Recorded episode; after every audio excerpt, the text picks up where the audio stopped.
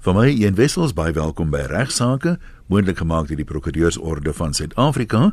En uh, Ignas Kleinsmid is nou al 22 jaar betrokke by hierdie program om vir ons eh, regskwessies eh, voorligting oor te gee, interessante hofsaake te bespreek en natuurlik luisteraars se vrae te beantwoord. Ignas, welkom nogmaals. Ja, baie dankie Ian en baie dankie weer vir die voorreg om hier te kan gesels en ek dink ek moet ook nou weer dankie sê vir die voorreg wat ek het om namens die Prokureursorde hierdie program aan te bied en is uh, die poging is regtig om die reg bietjie meer toeganklik te maak vir ons luisteraars en ook uh, verstaanbaar en ek hoop ons slaag daarin. Ons probeer ons bes om dit so duidelik as moontlik te stel. Ja, Ignas se verduidelikings is is van so 'n aard dit begin selde met nademaal en weshalwe dit blyk laat dat ja, ja, dubbelpunt ja, des nie teenstaande. Ja. Nee. Waar gaan ons begin? Ons hoor dikwels by huurkontrakte dat uh, die verhuurder verantwoordelik is vir redelike slytasie, fair wear and tear. Nou enige huurkontrak wat opgestel is deur 'n prokureur wat se sout werd is, sal 'n klousule bevat wat bepaal dat die huurder verantwoordelik is vir die instandhouding van die eiendom. Ons praat van vaste eiendom. Vaste eiendom hmm. waar ek nou huis huur, veral ons praat dan wat ons maar die gewone ding van die gewone huis huur en dat die, die huurder dit in dieselfde toestand moet teruggee as waarin dit ontvang is met 'n agneming dan van redelike slytasie of oorgeset sy 'n redelike slytasie uitgesluit. So die verhuurder is verantwoordelik vir redelike slytasie. Nou, dis nie altyd baie duidelik wat uh, dit presies beteken nie. Uh, kan dit onderskei word byvoorbeeld van skade wat aangerig is in die eiendom? Is dit redelike slytasie natuurlik nie. Skade aan verhuurde eiendom is die agteruitgang van die eiendom buite die aanvaarde norm. Dit sluit nalatige beskadiging van die eiendom in, maar huurder het die mure beskadig of spykers ingeslaan of wat ek nog al of die die mat gebrand met sigaretstompies, die soort van dinge. Maar redelike slytasie aan die ander kant is die agteruitgang van die toestand van die eiendom wat veroorsaak word deur die normale gebruik in die normale loop van sake normale gebruik redelike slytasie normale gebruik sou weer afhang van geval tot geval omdat dit natuurlik kan verander afhangende van die rede waarvoor die perseel verhuur word as ek 'n danssaal verhuur moet kan vaar word elke aand op die matte gedans. Uh en so kan mense maar aangaan. Dit gaan van geval tot geval verskil. Verwering wat deur natuurlike elemente veroorsaak is.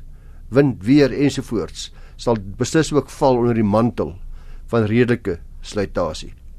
Dit is belangrik dat die huurder en die verhuurder dus by die aanvang van die ooreenkoms die huurperseel inspekteer. Dis eintlik die belangrike deel van hierdie van hierdie boodskap wat ek vir die luisteraars wil gee. Gemaak seker, gaan stel vas presies in watter toestand hierdie eiendom is voordat u die eiendom betrek as huurder.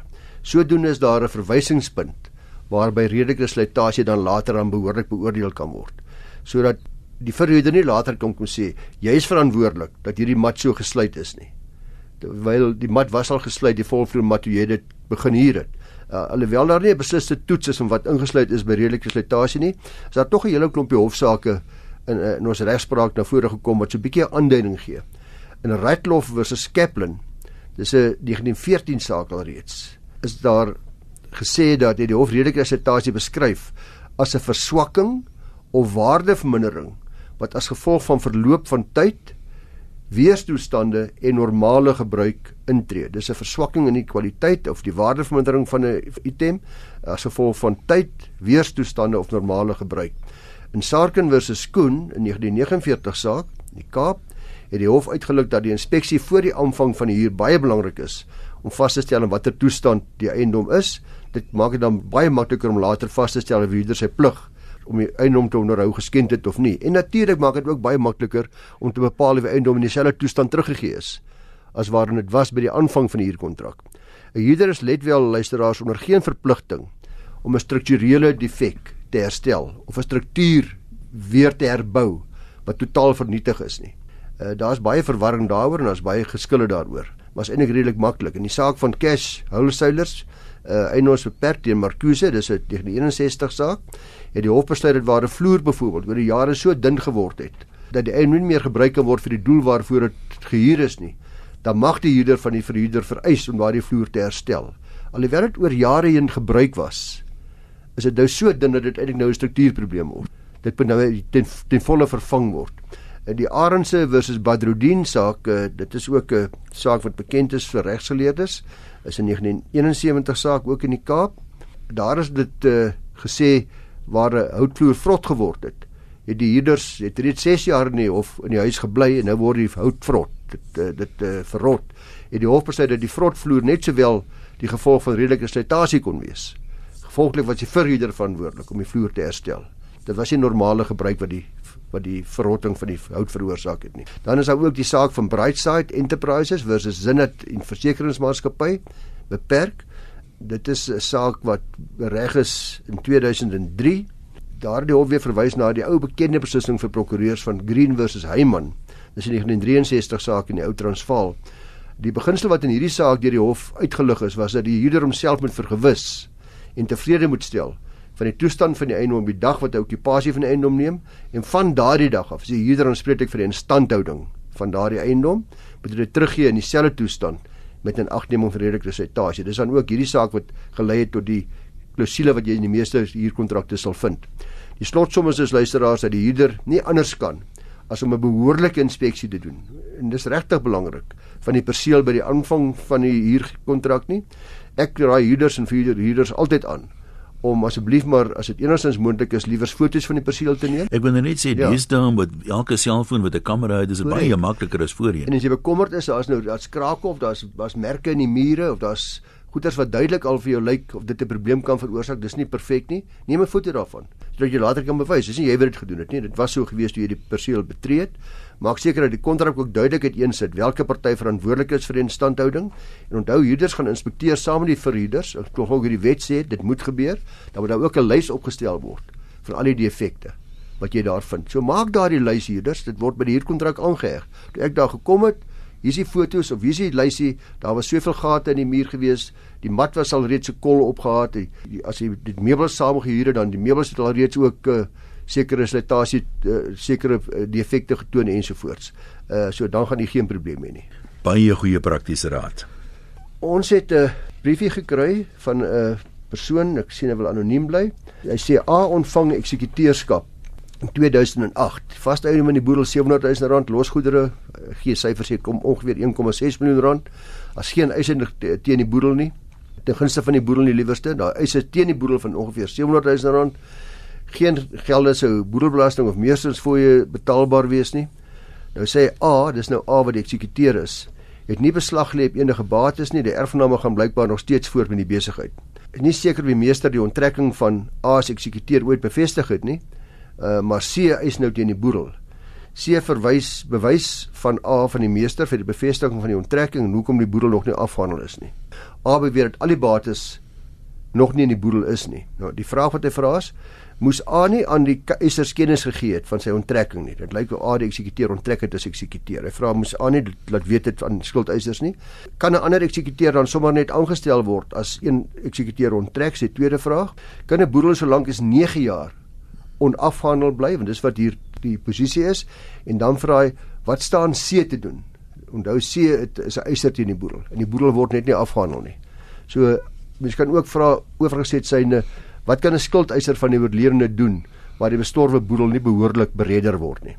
Ek het soos gewoonlik uh, wanneer ek met boedels doen het vir Volker Kreer daar van van Velden Duffy Rustenburg gevra om vir my antwoord te gee. Hy is 'n spesialis op hierdie gebied en hy skryf as volg. Hy sê die eksekuteur van 'n boedel het 'n plig om die boedelberederingsproses binne 'n redelike tyd af te handel.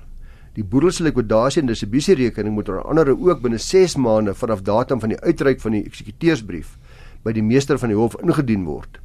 Die eksekuteur kan wel met goeie redes uitstel vra. So binne 6 maande moet jy al reeds 'n L&D rekening indien wat uiteensetting gee van die bates en die laste en die eise ensovoorts, maar jy kan uitstel vra as jy dit nie betyds gedoen kry nie. Normaalweg sal die meester die eksekuteur onthef wat versuim om sonder goeie rede hierdie likwidasie en distribusie rekening betyds in te dien. Betyds is binne 6 maande van sy aanstelling af. Die meester het ook andersins die bevoegdheid om die eksekuteur te onthef indien hy of sy nie hulle werk behoorlik doen nie. Op die feite wat die luisteraar gee, klink dit of daar min twyfel behoort te wees dat die meester voldoende gronde sê om die eksekuteur te onthef. Indien dit nie reeds gedoen is nie, kan die meester genader word met 'n beswaar en versoek dat die eksekuteur onthef word. So beswaar kan ook deur die skuldeiser van die boedel, dis nou C in hierdie geval, ingedien word. Na die ontheffing van die eksekuteur, het die meester van die Hogeres wat dan ook die reg om 'n nuwe eksekuteur aan te wys op grond van nominasies van begunstigdes van die boedel. So die erfgename sal kan sê ek nomineer Pietie Kosie of Klasie en waar die begunstigdes nie hulle samewerking gee nie, dan kan 'n skuldeiser, hier in geval C, ook die meester in gevolge artikel 18 van die boedelwet, dit is nou wet van 1965, nader vir die aanstelling van die eksekuteur. 'n Groot skuldeiser sal dikwels hier 'n rol speel te sê, "Wie wat? Hierdie boedel is 2 miljoen rand werd. Hulle skuld my 1,8 miljoen rand. Ek sê verbandhouer by huis of wat ek nogal. Ek wil vra dat hierdie eksekuteur aangestel word om hierdie ding nou behoorlik af te handel." En die meester sal dan na luister. Antwoorde op die luisteraar se vrae is: Moes Anie aan die eiser kennis gegee het van sy onttrekking nie? Daar's nie so 'n plig sê volker waarvan hy bewus is wat die boedelwet spesifiek op die eksekuteur geplaas eh, het nie, maar mense natuurlik uit ordentlikheid het sal mens dit verwag. Kan 'n ander eksekuteur aangestel word? Ja. En ek het reeds gesê as jy begunstigde is nie iemand nomineer nie kan uh, kan die skuldeiser ook iemand nomineer. Kan 'n boedel so lank as 9 jaar onafhandel bly? Ja, dit is ongelukkig waar dit gebeur, maar dit behoort beslis nie so lank te vat nie, sê Volker. 'n Boedel vat gewoonlik 'n paar maande of soms 'n jaar of bietjie langer om dit af te handel. Dit is die min of meer die gebruik. Iewers tussen 3 jaar, 3 maande na 15 maande om 'n boedel af te handel as die eksekuteur sy werk doen en dit behoorlik doen. Wat staan C te doen? Hy moet instruksies aan 'n prokureur gaan gee wat op die wat op hierdie gebied spesialiseer.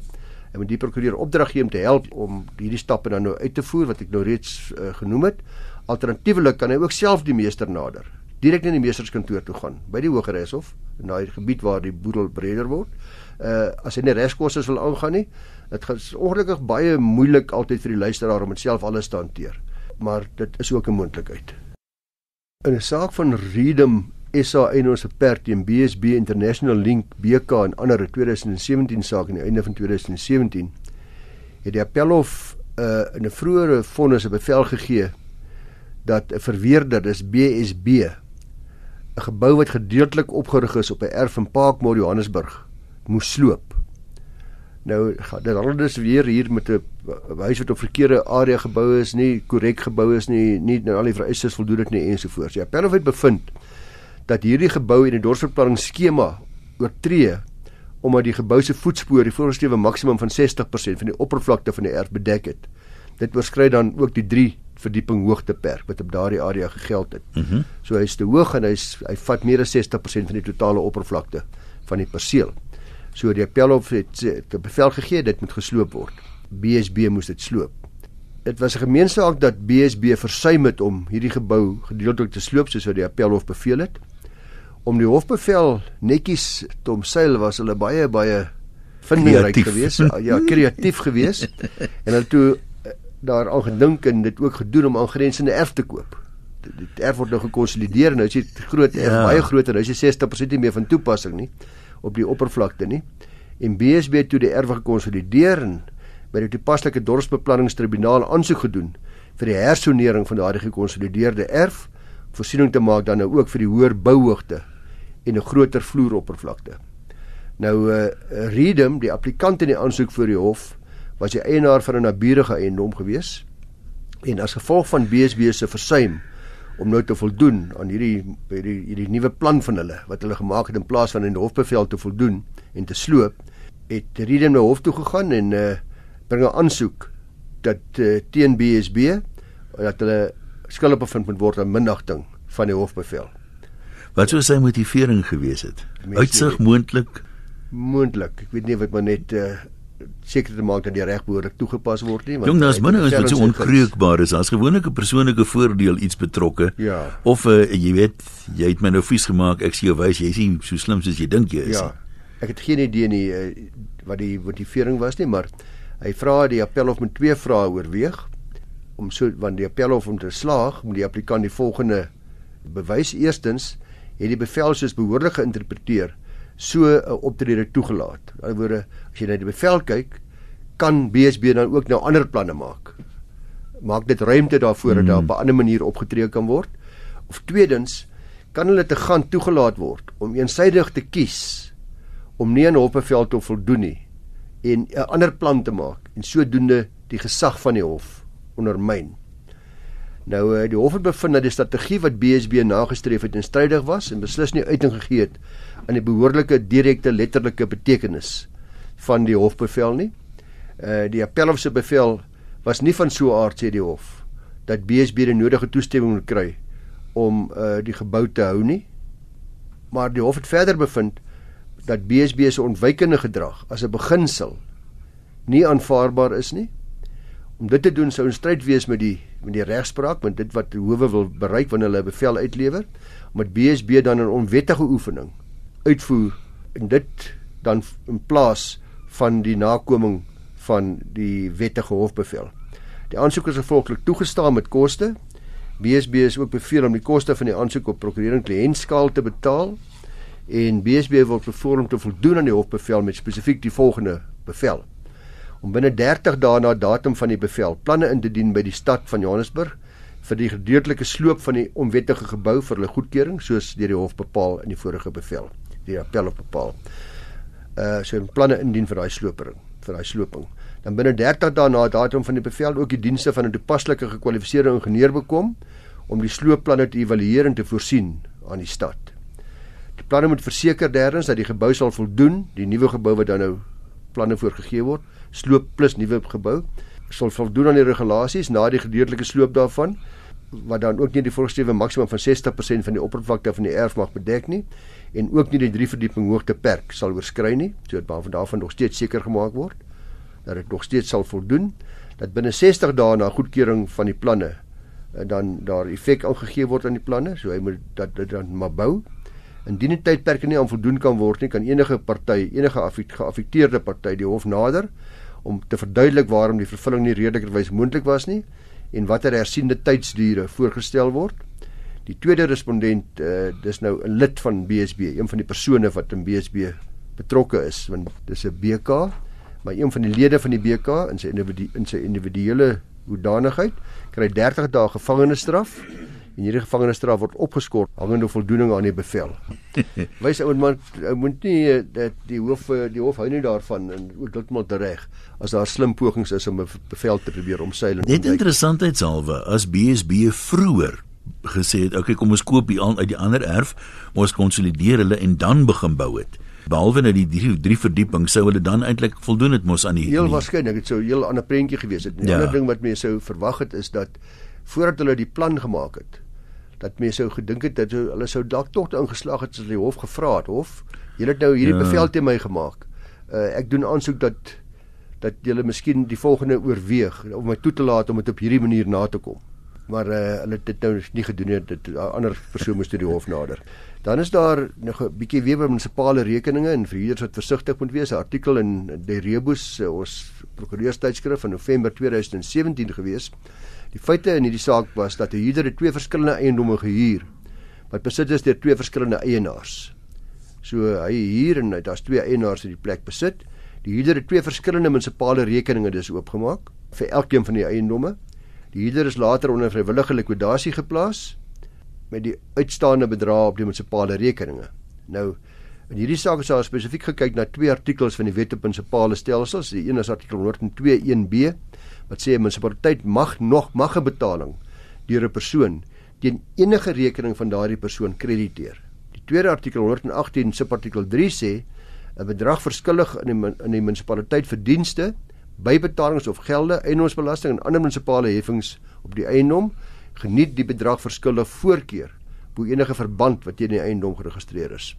So voor die likwidasie die huurder een betaling gemaak op die rekening van die eerste eiendom wat besit is deur die applikant.